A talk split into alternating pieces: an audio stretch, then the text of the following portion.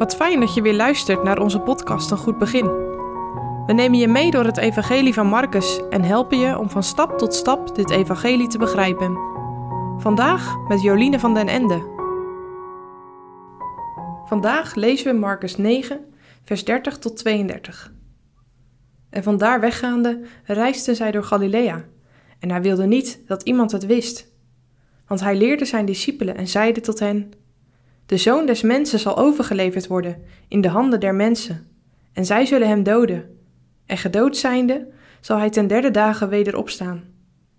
Maar zij verstonden dat woord niet, en zij vreesden hem te vragen. Je kent dat moment vast wel.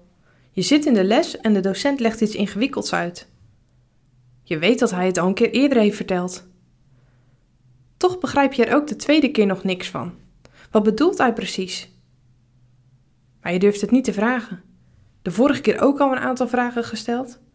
Ik hou mijn mond wel. Wat zal die docent anders van mij denken? De Heer Jezus legt zijn discipelen ook voor de tweede keer uit wat hem te wachten staat. Hij vertelt hetzelfde als wat hij al eerder heeft verteld, namelijk dat hij gedood zal worden. Maar hij vertelt ook dat hij op zal staan op de derde dag. Toch is dit niet helemaal exact hetzelfde als de eerste boodschap. De Heer Jezus voegt er nog wat aan toe. Hij zegt dat hij overgeleverd wordt. Hij zegt niet door wie. Zou hij hier Judas bedoelen? Nog even terug naar de les waar ik net mee begon.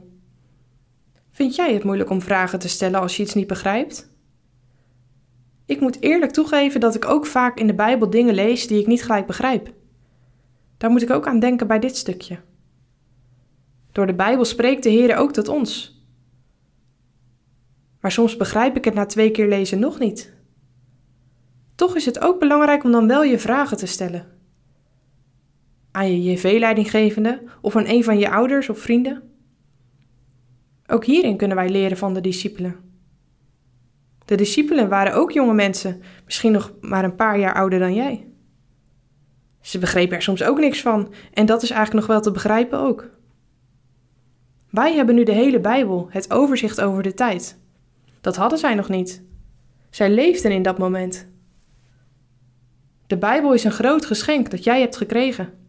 Door dit woord kun je zalig worden. De discipelen wisten nog niet wat het inhield ten derde dagen weder opstaan.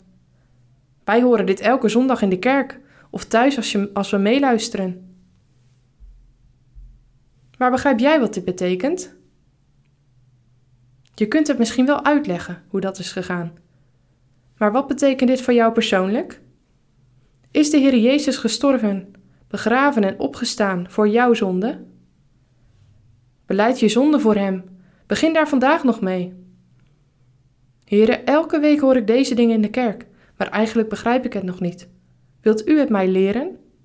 De discipelen hielden hun mond, maar hebben het later gezien met hun eigen ogen. Wat moet dat een verdriet zijn geweest om hun meester te zien hangen aan het kruis? Maar wat een onbeschrijfelijk groot wonder dat hij daar aan het kruis hing voor hun zonde. Trouwens, niet alleen hun zonden. Zie hoe Jezus daar hangt met zijn armen uitgebreid als een welkom voor alle zondaren. Hij nodigt ook jou. Denk eens na aan wie jij deze week een vraag kan stellen over iets wat jij hebt gelezen in de Bijbel.